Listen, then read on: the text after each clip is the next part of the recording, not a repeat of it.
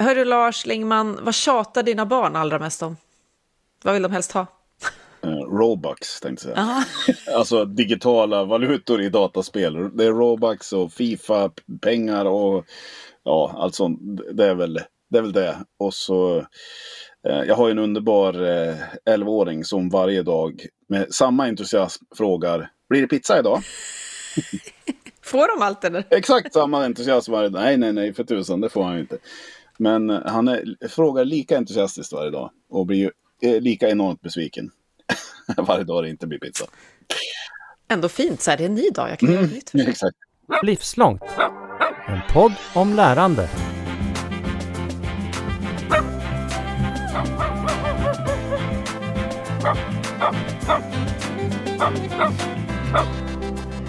Ja, det är intressant där hur man får använda alla psykologiska knep ja, man har för att hantera absolut. det där. Jag har ju då två hemmavarande barn mm. och en sak som kommer tillbaka hela tiden. De har till och med gjort powerpoint-presentationer mm. om det. De har hyrt in folk för att övertala oss. De har gråtit och busat, de har gjort allt. De har fortfarande inte fått en hund. Ja. Eller familjen har inte utökats med en hund, kanske är bättre ja. att säga. Eh, jag vet inte om du minns en sån längtan, Lars, i ditt liv. Jag gör det, men den gick över. Ja, jag har ju ett, ett svårt eh, barndomstrauma kring det här, tänkte jag säga. För att eh, det var ju så att vi, vi, vi, kunde inte ha någon hund, för min pappa var, var pälsallergiker. Sen när vi var typ så här, typ, ja, jag har två yngre systrar då. Eh, när vi var 26, 27, 28 år gamla och sitter hemma hos mamma, eller kom hem till mamma och pappa, då är det liksom en, en katt hemma. Ja, vi passar grannen Evas katt. Jaha, vad fan, fars, farsans pälsar. Och då får mamma liksom lite så här panik. Oj, oj, oj, oj, oj, oj. Då har de ju, han har ju bara blåljugit om att pappa är pälsallergiker för att vi inte ska behöva ha en hund. Fruktansvärt. Det har faktiskt inte jag gjort. Vi har inte dragit något sånt. De har dessutom lite allergier själva, de här barnen. Ja, nej, jag fick ingen hund. Eh, jag fick ett par marsvin och några fåglar. Men sen såg jag valpar födas hos en släkting när jag var ung vuxen. Och då var det ju förstås kört. Mm. Det kanske vi kan återvända mm. till. Men välkommen då till mig, Katarina Pietschak, och dig, Lars Lingman, i podden Hundliv. Nej, skojar bara. Livslångt är det fortfarande som du lyssnar på. Men idag är det hundar i centrum, tror det eller ej. Och Cecilia Ros Rosendahl är du som är varmt välkommen till oss. Hej! Hej! Hej! Tackar! Längtade du efter en hund som barn? Ja. Måste jag då börja med att fråga. Ja. Min eh, mormor och morfars hund Putte var ju min stora kärlek och det var liksom, jag ville inte slita mig från honom. Det, jag ville precis som dina barn Katarina eh, ha hund och fick inte hund därför att mina föräldrar hade ju inte tid att ta hand om en hund. Mm. Så att det var nog klokt av dem. Och av dig. Mm. Ja, tack. Jag tar med mig det som argumentation till mina barn. Men idag har du då ett liv fullt av hundar och även egen, eller egna hundar. Och vi ska komma tillbaka till det strax. Men vem är du, den här beryktade frågan för den här podden? Hur skulle du beskriva dig själv? Oj, jag är en person som eh, gillar att vara nära eh, och vara igång dygnet runt. Och det måste man vara om man vill jobba med hundar professionellt dygnet om. Eh, och att jag får energi av den här uh, gemenskapen, att lösa problem tillsammans, att vara ute och uppleva tillsammans, det ger mig en massa energi. Alltså, så att jag tror att det är därför jag faktiskt sadlade om. Eh, och att det är en sak som det här nya, min nya tillvaro ger mig. Mm. Och den resan ska du få säga några till ord om. Men, men berätta, vad är det för verksamhet du har idag? Vad är det här 24-7-livet med hundar? Ja, jo, jag drog igång eh, både ett eh, mobilt hunddagis och det betyder att man hämtar hundarna hemma hos människor och lämnar tillbaka dem sen och sen ut och går i skog och mark varje dag med åtta hundar. Och ett hundpensionat, vilket betyder att det är ju ett hotell. Då har man ju hundarna där dygnet runt. Så man kan väl säga att jag bor här i hundpensionatet. Eh, och eh, också hundkurser, alltså allt ifrån de där härliga valpkurserna till de mer krävande privatträningarna då man ska hjälpa människor att förstå sina hundar bättre för de kan ha massa olika problembeteenden. Allt ifrån utfall mot andra hundar till att hoppa och bita matte i kläder och i armar. Och det, den här resan då som har tagit dig till att bo och leva och hantera det här, den här relationen och de här beteendena som du beskriver nu. Vi har ju en gemensam bakgrund i media. Jag sitter också här med två personer som har varit mina chefer. Jag vet inte hur jag ska hantera det riktigt. Men du var chef först på Sveriges Radio och sen på UR. Lika lång mediebakgrund som jag. V vad hände? Hur blev det så här?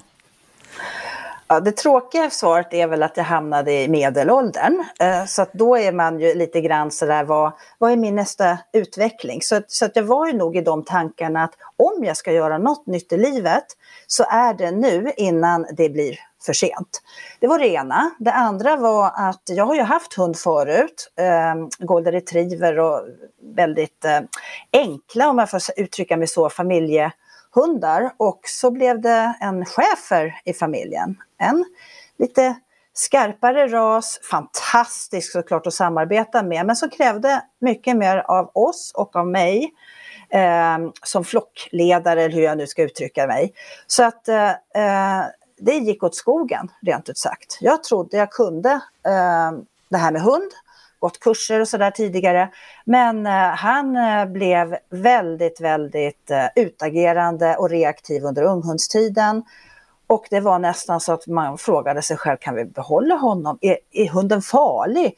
Eh, är det avlivning? Du vet alla de där frågorna som poppade upp och då blev jag snarare så att jag måste förstå min hund bättre. Det måste ju handla om mig eh, om oss som ägare. Och så gick jag den ena kursen efter den andra och till slut, fastän jag var strategichef då på UR, eh, Sveriges Utbildningsradio, så började jag gå yrkesutbildningar bara för att förstå min hund bättre. Så då parallellt så gick jag en hunddagisutbildning och sen började jag en hundinstruktörsutbildning och sen så blev det hundbeteendevetare och sen så liksom, vad håller jag på med? Jag måste jobba med det här. Eh, så att, så att, och jag kände också det här att om jag har fått hjälp att förstå min hund så att jag kan stötta honom så att han slipper vara så reaktiv och utagerande, då kanske jag också kan hjälpa andra. Så det, var, det, var, ja, det var så det började helt enkelt. Och sen var det bara så här, nej men nu måste jag gå till min chef och säga upp mig. lite, lite så bara, pang. Och vem har du blivit genom det här skulle du säga? Den här hela den här resan? Hur har det påverkat dig? Ja, det är en bra fråga, men jag tror att jag har blivit gladare, lugnare, mindre prestationsinriktad, alltså i form av att behöva leverera på resultat och istället börja förstå, alltså jag har ju varit chef, jag, som du sa, jag har varit chef över dig, men nu är jag mycket mer eh, hur ska jag säga, förstående för att jag kan inte leverera någonting om inte mitt team, alltså nu min hundflock, är intresserad av mig, eh, vill eh, eh vara med mig, vill därmed följa mig. Om inte mina hundar på hunddagiset litar på mig så, så kommer de hitta på sina egna promenader. Det, alltså det här med att bygga team och att ledarskap kommer underifrån, att hundarna ska frivilligt följa mig istället för att jag säger att jag är bossen. Det är sådana saker som jag har lärt mig. Så jag skulle vilja säga att det påverkar både mig som person men också Eh, om man nu får säga ordet ledare, om jag, eh, det är väldigt ifrågasatt inom hundvärlden ska ni veta. Mm. Men, eh, men om man ändå väljer att, att, att använda det ordet just nu så är jag också en bättre ledare idag. Alltså jag, alltså jag skulle vara mycket bättre om jag kom tillbaka till medievärlden och var chef idag. Innan jag jobbar med hundarna, det tror jag faktiskt. Om vi går över till den andra chefen då, vad tänker du Lars? Ja, men så himla intressant. Direkt vill jag ju höra varför, eh, varför begreppet ledare är ifrågasatt i hundvärlden. Jo, jag tror, det finns säkert många olika svar på den frågan, ja. men jag tror att det handlar om att eh, när man har pratat om ledarskap tidigare inom hundvärlden så har det ju varit gamla tiders sätt att uppfostra hund. Alltså att eh, man ska tala om minsann vad som gäller för hunden och eh, eh det har varit mycket genom att tala om vad som hunden gör fel. Istället för att positivt förstärka det, när hunden gör rätt, som är modern hundpsykologi. Eh, Alltså, och det är där eh, hela resan har varit, att man har gått från att kanske bestraffa hunden, säga till hunden, tillrättavisa hunden när den har gjort fel. Och nu har hela den här förflyttelsen gått till att man istället ska visa hunden och förstärka och belöna när hunden gör rätt och då förstår hunden, hoppsan hunden, du kan ju det här egentligen, hörru du du, nu gör vi om från början. Det är en helt annan utgångspunkt och, och ledarskap då kommer ju egentligen från synen på hur man skulle leda hund förr. Alltså, jag bestämmer, du ska följa. Eh, medan man idag, som jag nämnde nyss, ser på ledarskapet i så fall som att hunden väljer frivilligt att följa dig om du har gjort dig förtjänt av hundens förtroende. Är ni med mig? Ja, och jag får många paralleller här till människor ja. i mitt huvud. Vad är det, ja. det jag sitter och ja. tänker också. Är det, hundar? är det hundar vi pratar om nu? Eller hur var det? Vänta. Ja, men du Lars har ju sagt flera gånger i den här podden också att du har förstått som chef, du förstod det vid något tillfälle, att det viktigaste är att man är just ledare, att man kan vända sig till en chef när mm. någonting blåser eller sådär. Hur, hur tänker du att det lirar med det som Cecilia berättar nu?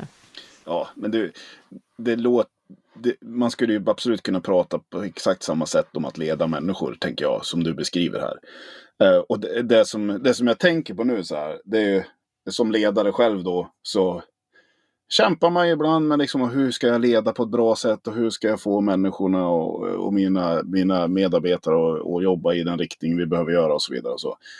och det är framförallt, jag blir så himla, okej, okay, vad har du lärt dig för tricks och hantverk när du har jobbat med hundar som skulle vara överförbart till hur man kan leda människor. Det låter helt bisarrt men eh, det verkar ju som att det finns någonting här. Och du sa ju det själv också att skulle du komma tillbaka som ledare nu så skulle du ha helt ja, nya verktyg. Kan du ge några exempel på vad, vad, eh, vad, vad har du gjort för resa själv med lärande och hur du ser på det där nu?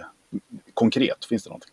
Ja, det, det, jag ska för, det är så mycket, men jag ska mm. försöka ta några viktiga saker. Mm. Det ena är att minimera stress. En, en hundflock, eh, ha, det handlar om att vara, de, hundar strävar hela tiden efter att vara i lugn, harmoni och i balans. Mm.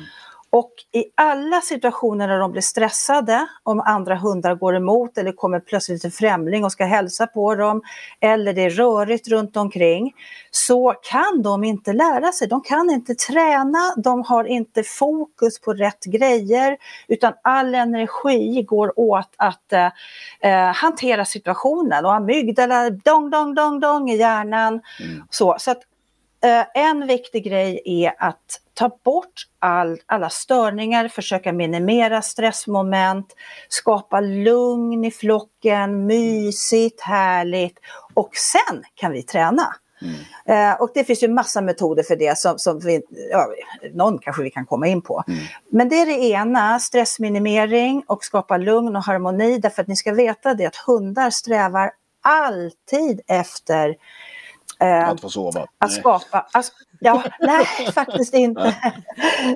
Även om de gillar ju att sova också. Ja. Men, men att, att, att, eh, att, eh, de har så otroligt många signaler till varandra som, handlar, som är fredsflaggor.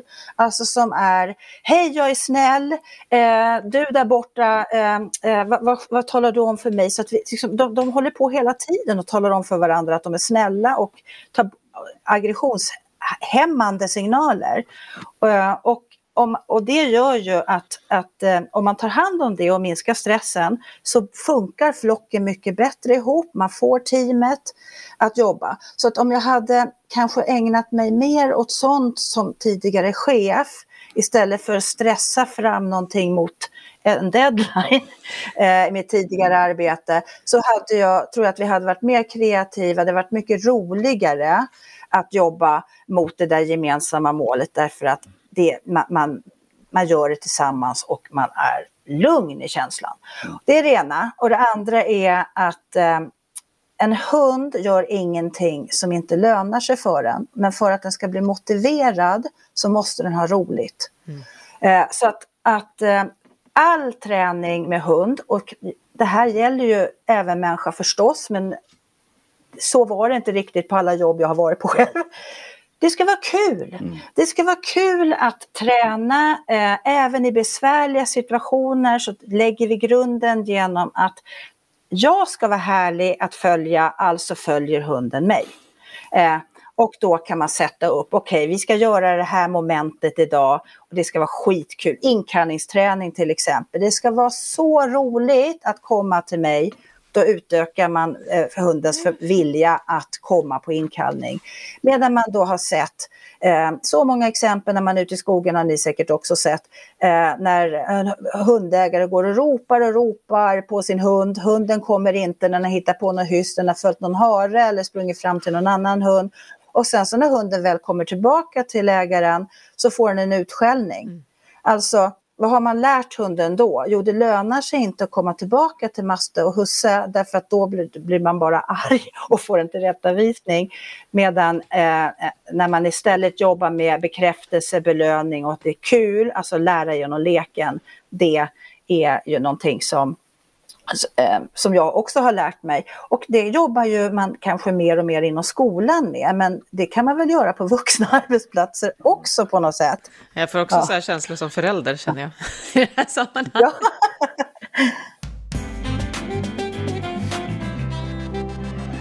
Då du gjorde ju en sån här läranderesa då kring det här med hund liksom. Mm.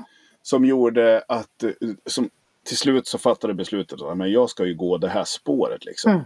Hur, hur var den här processen när du liksom genom lärandet får syn på någonting helt nytt? Jag tänk, blev det nya drivkrafter? Och hur kommer du fram till det här beslutet? Där, men jag måste göra så här. Jag har ett ord för det och det låter ju helt knasigt. Mm.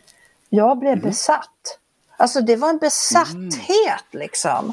Och då var det, oh, ja, alltså jag var, blev så nördigt intresserad av att förstå egentligen min egen hund från början, på djupet. Så mm. jag blev besatt av det här så att jag bara slukar allt. Det är fortfarande så. Här är liksom tusen mm. böcker omkring mig hela tiden. Så att jag lär mig mm. fortfarande och jag kommer aldrig bli fullärd. Direkt tänker jag då på att det måste ju vara att du hittar en, en otrolig meningsfullhet. Ja. ja. Ja. Och sen så, jag var ju volontär på hundstallet också. Nu har jag inte haft tid att vara det på länge. Men på hundstallet tar man ju emot de här omplats riktigt svåra fallen, du vet misshandlad av mm. hundägare och så. Så att den här meningsfullheten vid sidan av det vi själva hade ställt till med vår egen hund genom okunskap. Eh, där var det så otroligt viktigt att göra mm. på rätt sätt för att hjälpa de här individerna. Så att det var nog en pusselbit som bidrog till den här besattheten eller viljan att lära mer. Och meningsfull, att det var meningsfullt. Mm. Men för en, en, tid sedan så hade vi ett snack med Frida Skog här i Livslångt, Lars, som, mm. var, eh, som är psykolog och eh, jobbar med eh, organisationer i olika svårare situationer. Du minns att du fick lära dig spegla och sitta i ångesten, mm. Lars, eller hur? Mm. Och då handlade det om psykologisk trygghet och det avsnittet såg ju du, Cecilia, och kommenterade ja. på LinkedIn med orden “precis så där jobbar jag med hundarna”. Så det väckte ju en mm. våldsam nyfikenhet. Sådär. Ja. Eh, har du också lärt dig väldigt mycket mer om människor? Jag tycker du är inne på det, men skulle du kunna sätta ord på vad det mer kan vara? Vad, vad kan du ha lärt dig om, om människor av ditt jobb med hundarna? Ja, men jag tror ju det där att, att eh, många beteenden som vi människor har är egentligen det som man inom hundvärlden kallar då för social stress. Alltså att vi utsätts, alltså vi har ju det här stresssystemet inbyggt, både hundar och människor, eh, som är till liksom bara för att vi ska kunna ladda igång, kicka igång.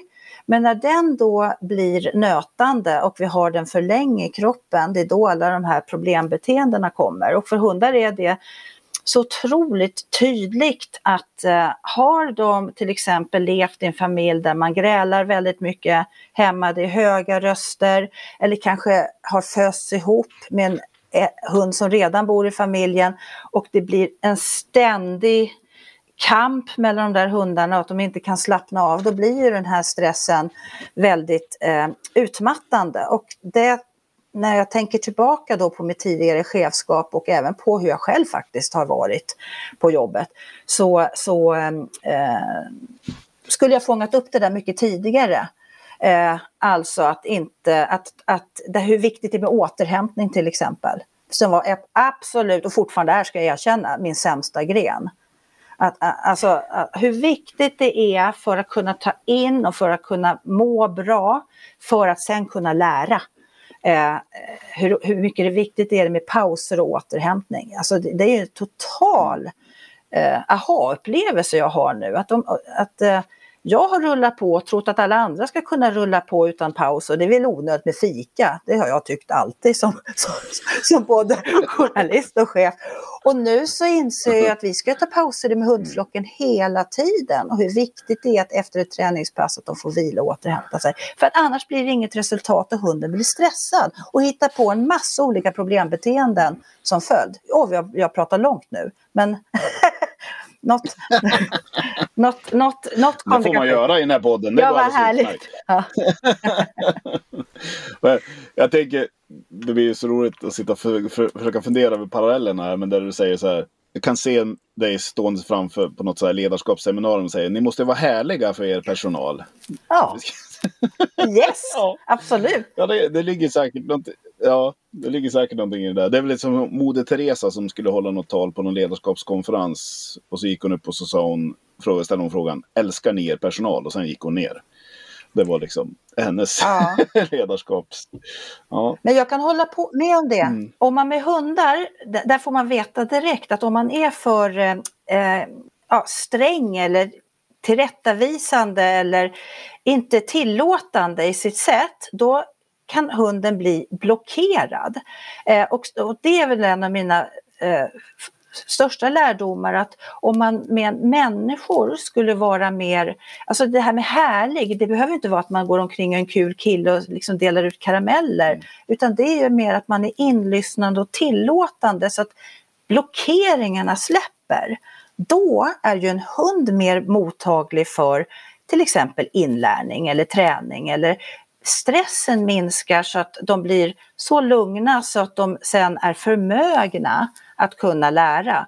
Den, den delen tror jag är väldigt, väldigt viktig med människor också. Men vi människor, vi har extra raster. Vi kan liksom känna och tänka saker som vi håller för oss själva. Så att, så att det blir ju svårt att leda en människa av den anledningen därför att vi säger inte riktigt vad vi tänker. Vi har dolda agendor. Eh, men en sån här klassiker till exempel att eh, Nej men du, du kan gå på matchen, jag kan stanna hemma. Eh, alltså, du vet att, att vi säger en sak och menar en annan. Eh, det är ju någonting som hundar är befriande eh, av. De, de kommunicerar mm. direkt vad de tänker och känner och reagerar direkt om vi har en alldeles för sträng attityd som gör att de inte kan ta till sig, de blir blockerade och kan inte utföra. Mm. Eh, om vi hade det förhållningssättet med människor så tror jag att vi skulle komma mycket, mycket längre. Eh, eh, och att vi kanske med människor inte märker det här eftersom vi, vi har den här förmågan att skyla över och täcka över det vi egentligen känner. Mm. Mm. Vad får du för aha moments, Lars? Hela din mm. egen själsresa, men också människor i stort som du träffar i de här olika beteendekontexterna. Ja. ja, men jag, det var ju, det eh, har vi pratat om tidigare tror jag, det här med, det, det, var, det var väldigt bra att du förtydligade vad du menar med det med härlighet. Det handlar om att vara lyssnande, tillåtande och sådana saker. Och just det där med det här lyssnandet, eh, det var ju någon som, jag vet inte vem, som satte in mig på den banan tidigt någon gång att, att vara chef handlar, ska du överväga att, eh, att lyssna mycket mer än du pratar eh, och sådana saker. Och, eh, att det är väldigt, väldigt viktigt. Um, och det är väl en sån grej som jag försökt ta med mig, liksom. Verkligen försöka lyssna in. Eh, och det var också samma person som faktiskt sa att du måste, du måste lyssna med ögonen. Alltså, du må, alltså att det är så otroligt viktigt att se um, kroppsspråket på människor, mimiken och sådana saker. Eh, för att verkligen komma bakom det här som du beskriver Cecilia, den här fasaden. Vi kan ju säga en sak och så är det någonting annat som finns där bakom. Um, och när man ska lista ut om man kan åka på den här matchen eller inte på riktigt. Då, måste, då kanske man behöver se kroppsspråket. Uh, om man hör det på telefon kanske, ja men då kan jag åka på matchen. Men hade man varit i hemmet uh, då kanske man, oj jag ska inte åka på någon match nu. Liksom. Ja. Lite så tänker jag. Så det, det känns, där finns ju faktiskt en jättetydlig koppling mellan eh, de här två sakerna. Jag tänkte på en annan sak Katarina som jag tror att som jag, kanske, som jag tycker jag har hört dig prata om. Det var det här som, som Cecilia nämnde om det här med lek. Alltså hur viktigt, eh, hur viktigt det är. Vad tänker du om den där kopplingen? Du frågar mig? Ja. ja fint. Jag vill gärna vara gäst i min egen podd. Ja, men jag, tänker, jag blir ju väldigt sorgsen ibland i vuxensammanhang när vi ska skapa aktivitet, läraktiviteter tillsammans mm. med vuxna. Och vi testar att använda lek för att det verkligen ju är, det finns ju starka motivationskrafter i mm. lek. Och vi har ju det med oss, från, för barn är det helt naturligt. Men någonstans längs vägen så blir vi vuxna och förstår att det där passas inte, eller mm. det finns inte plats med lek, eller vi är professionella här så vi ska väl inte hålla på tramsa runt mm. och så. Och det har vi väl säkert alla varit med om sådana sammanhang. Där det på något sätt inte, det finns inte, det finns inte en plats. Vi tycker inte att det platsar där. Och, och det är sorgligt, för att vi ser ju också att när vuxna får leka på ett sätt som känns relevant och mm. värdefullt, mm. värdefullt spenderad tid, så händer det ju otroligt mycket saker och så. Och, och då tänker jag, Cecilia, när, när du då träffar dina stressade klienter, när du får eh, hjälpa och jobba med hundar som kanske då har haft en, en, annan tillvaro, inte alls fylld med lek och mycket stresser. Hur gör du då för att liksom vända? Ja, det är en jättebra fråga därför att man får alltid börja med hundägaren. Man får, eh, det är inte hunden jag tränar, utan det är hundägaren. Och att, att, eh, att vara hundpsykolog handlar ju om att hjälpa människan i sin relation med sin hund. Så att jag försöker ge hundägaren redskap, dels en djupare förståelse för varför, om vi tänker en riktigt stressad hund kan ju bli väldigt passiv, apatisk. Vissa hundar blir utagerade men andra reagerar ju precis tvärtom. Att de eh, har en inlärd hjälplöshet brukar det kallas, att liksom det, de bara stänger av, stänger ner. Och då eh, behöver jag ju först få hundägaren att förstå orsaken bakom varför hunden har, har blivit på det sättet.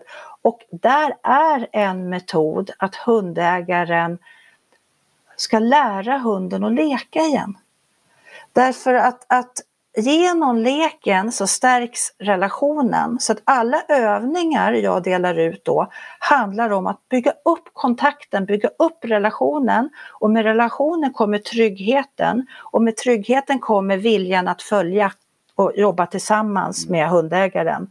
Så att massa lekövningar, mycket samarbetsövningar och sådär. Och jag tänker att, att eh, hundar som har levt under väldigt lång stress och inte haft den här relationen med hundägaren. Eh, för att sova kan vara mycket det här hunden stänger av.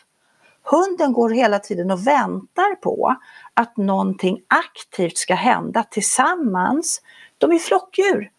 Och så länge vi sitter som soffpotatisar eller vi är uppkopplade mot Teams-datorer och möten och allt vad det är vi håller på med, då väntar hunden på att något ska hända. Och så ser vi att hunden vilar. Men där kan det finnas kraftig understimulering. Så att leken är ett sätt att, att få igång resten och då blir man också av med problembeteenden.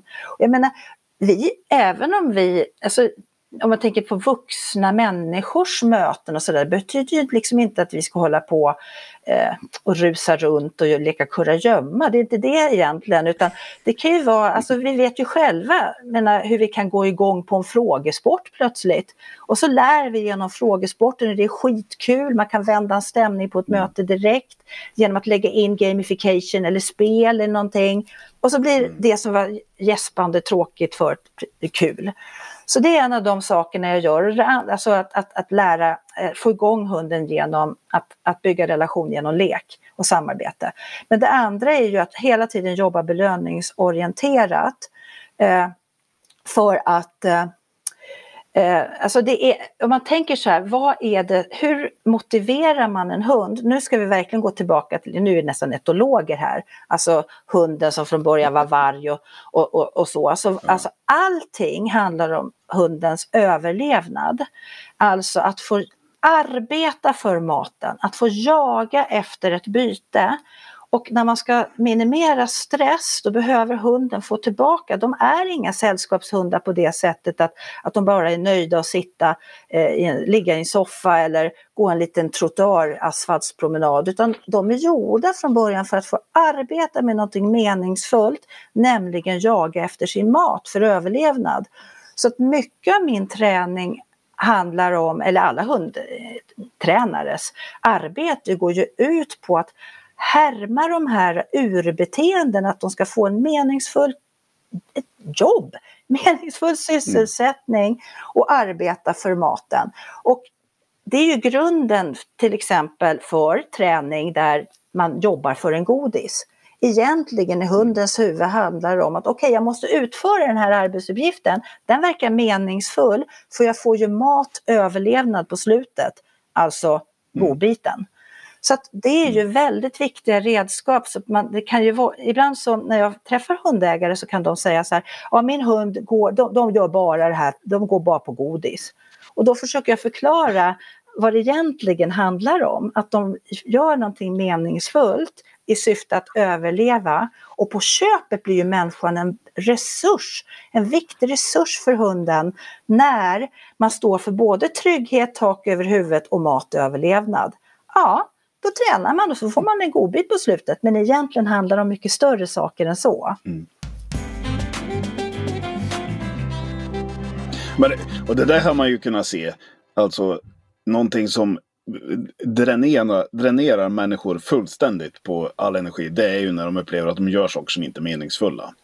Det, det är ju samma effekt på människor. Liksom, så att, eh, och det har vi väl alla hållit på med i någon utsträckning i vårt yrkesliv.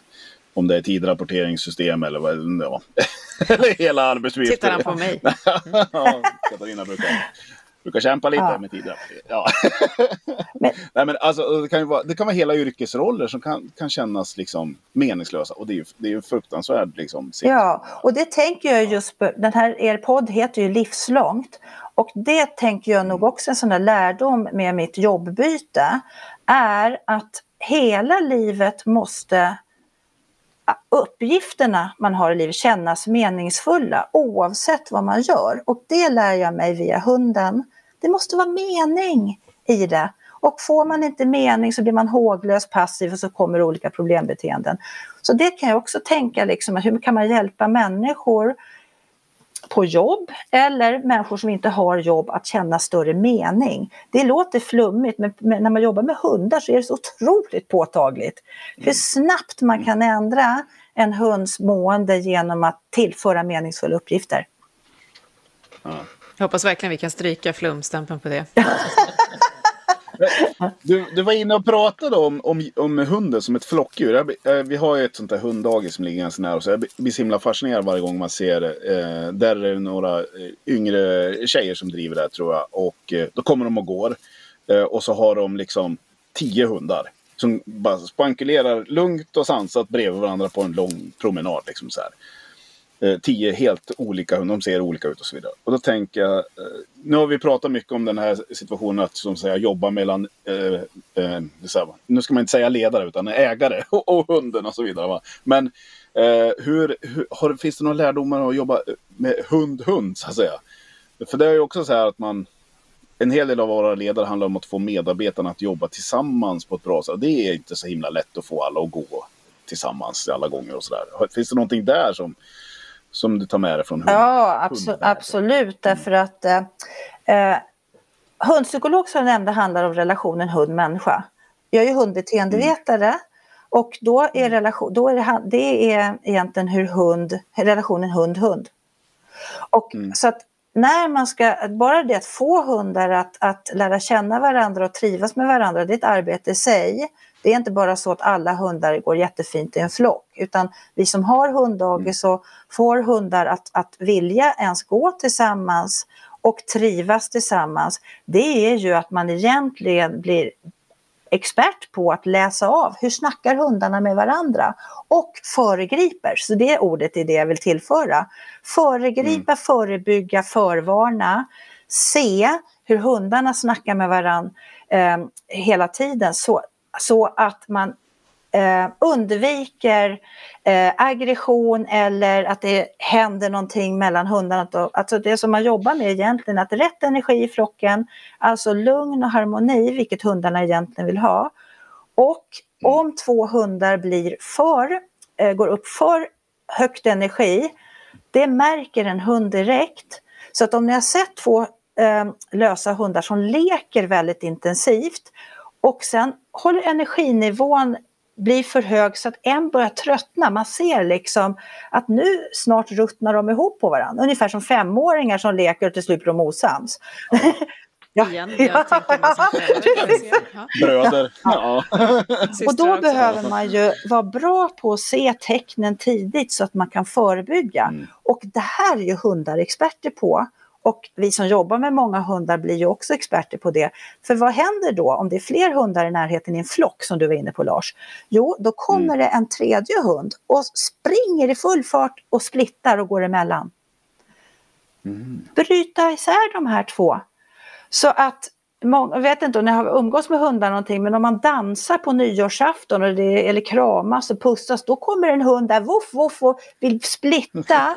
därför att energin är lite för hög. Mm. Eh, hunden vill lugna ner situationen genom att gå emellan.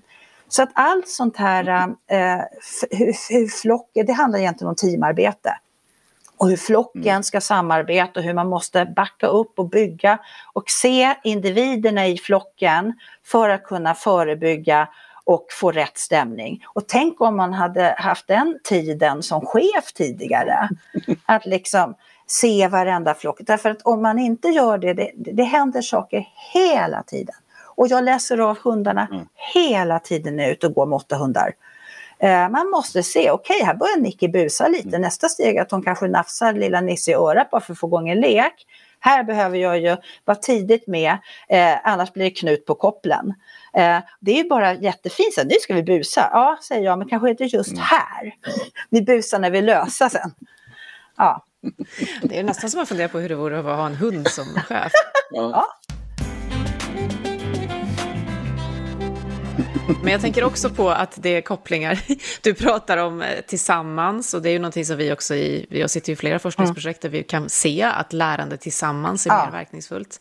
Sen, sen, ser vi också då att om man belönar människor för mycket, då kan det faktiskt vara lite hämmande när det gäller motivation. Om man har för mycket belöning eller bestraffning så kan den inre drivkraften eh, mm. minska. Och det kanske skulle kunna vara då att vi faktiskt inte var vargar från början, just vi.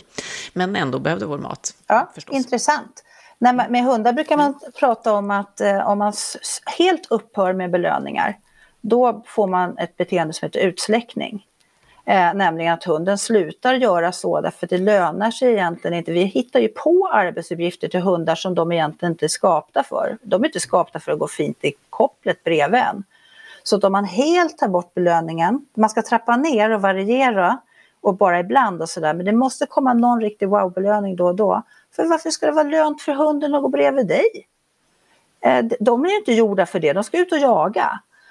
Så att, så att, eh, så att men, men, men Känns ju applicerbart. Ja, och även inom hundforskning så kan man säga att eh, eh, även inlärning, träning i sig är en sorts belöning. Och det är väl det som den, din forskningen, du gissar jag nu bara, eh, inne på, att arbetet i sig är meningsfullt. Yes, det är meningen. Där du yeah. på något ja. otroligt viktigt. Ja. Eh, eh, en sak som jag, som jag bara funderar på nu, kom i huvudet på mig så här.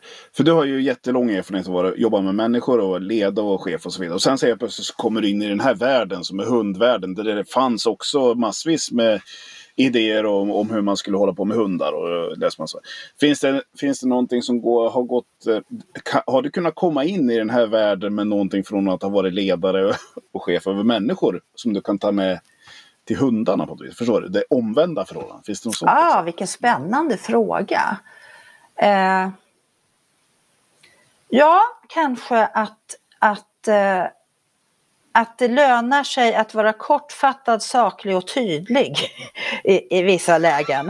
Eh, att, att eh, de har, är man för lullig och lullar in saker så blir det otydligt för hunden direkt. Och i människovärlden så är ibland är vi så artiga så man knappt förstår vad vi menar därför att vi krusidullar in och lindar in det i våra formuleringar så att eh, mm.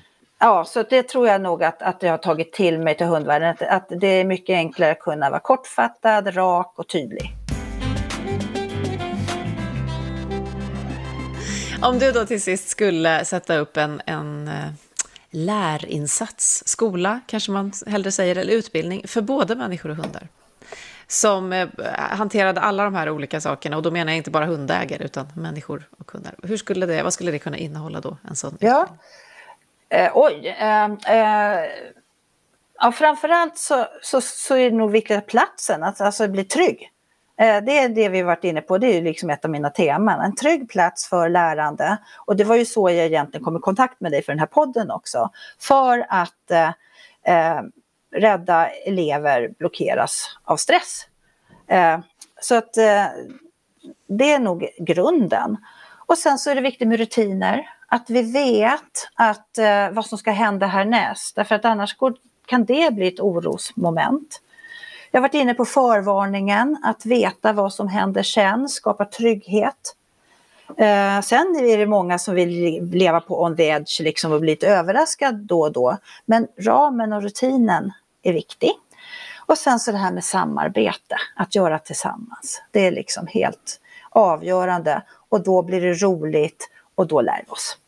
Det låter som att vi borde eh, rekommendera alla chefer att eh, lära sig eh, som du har gjort. Att bli hundbeteendevetare tänkte jag. Du skulle säga. Det är där man ska leta efter när man rekryterar chefer, om de har hund. Ja. Fast det innebär inte i och för sig att de är Nej, precis. Så är det också. Hundledare. Ja. Mm. Tror du att du någonsin kommer gå tillbaka, Cecilia, till att leda människor mer än hundar? Oj, det, jag tror inte, inte, inte utan hund.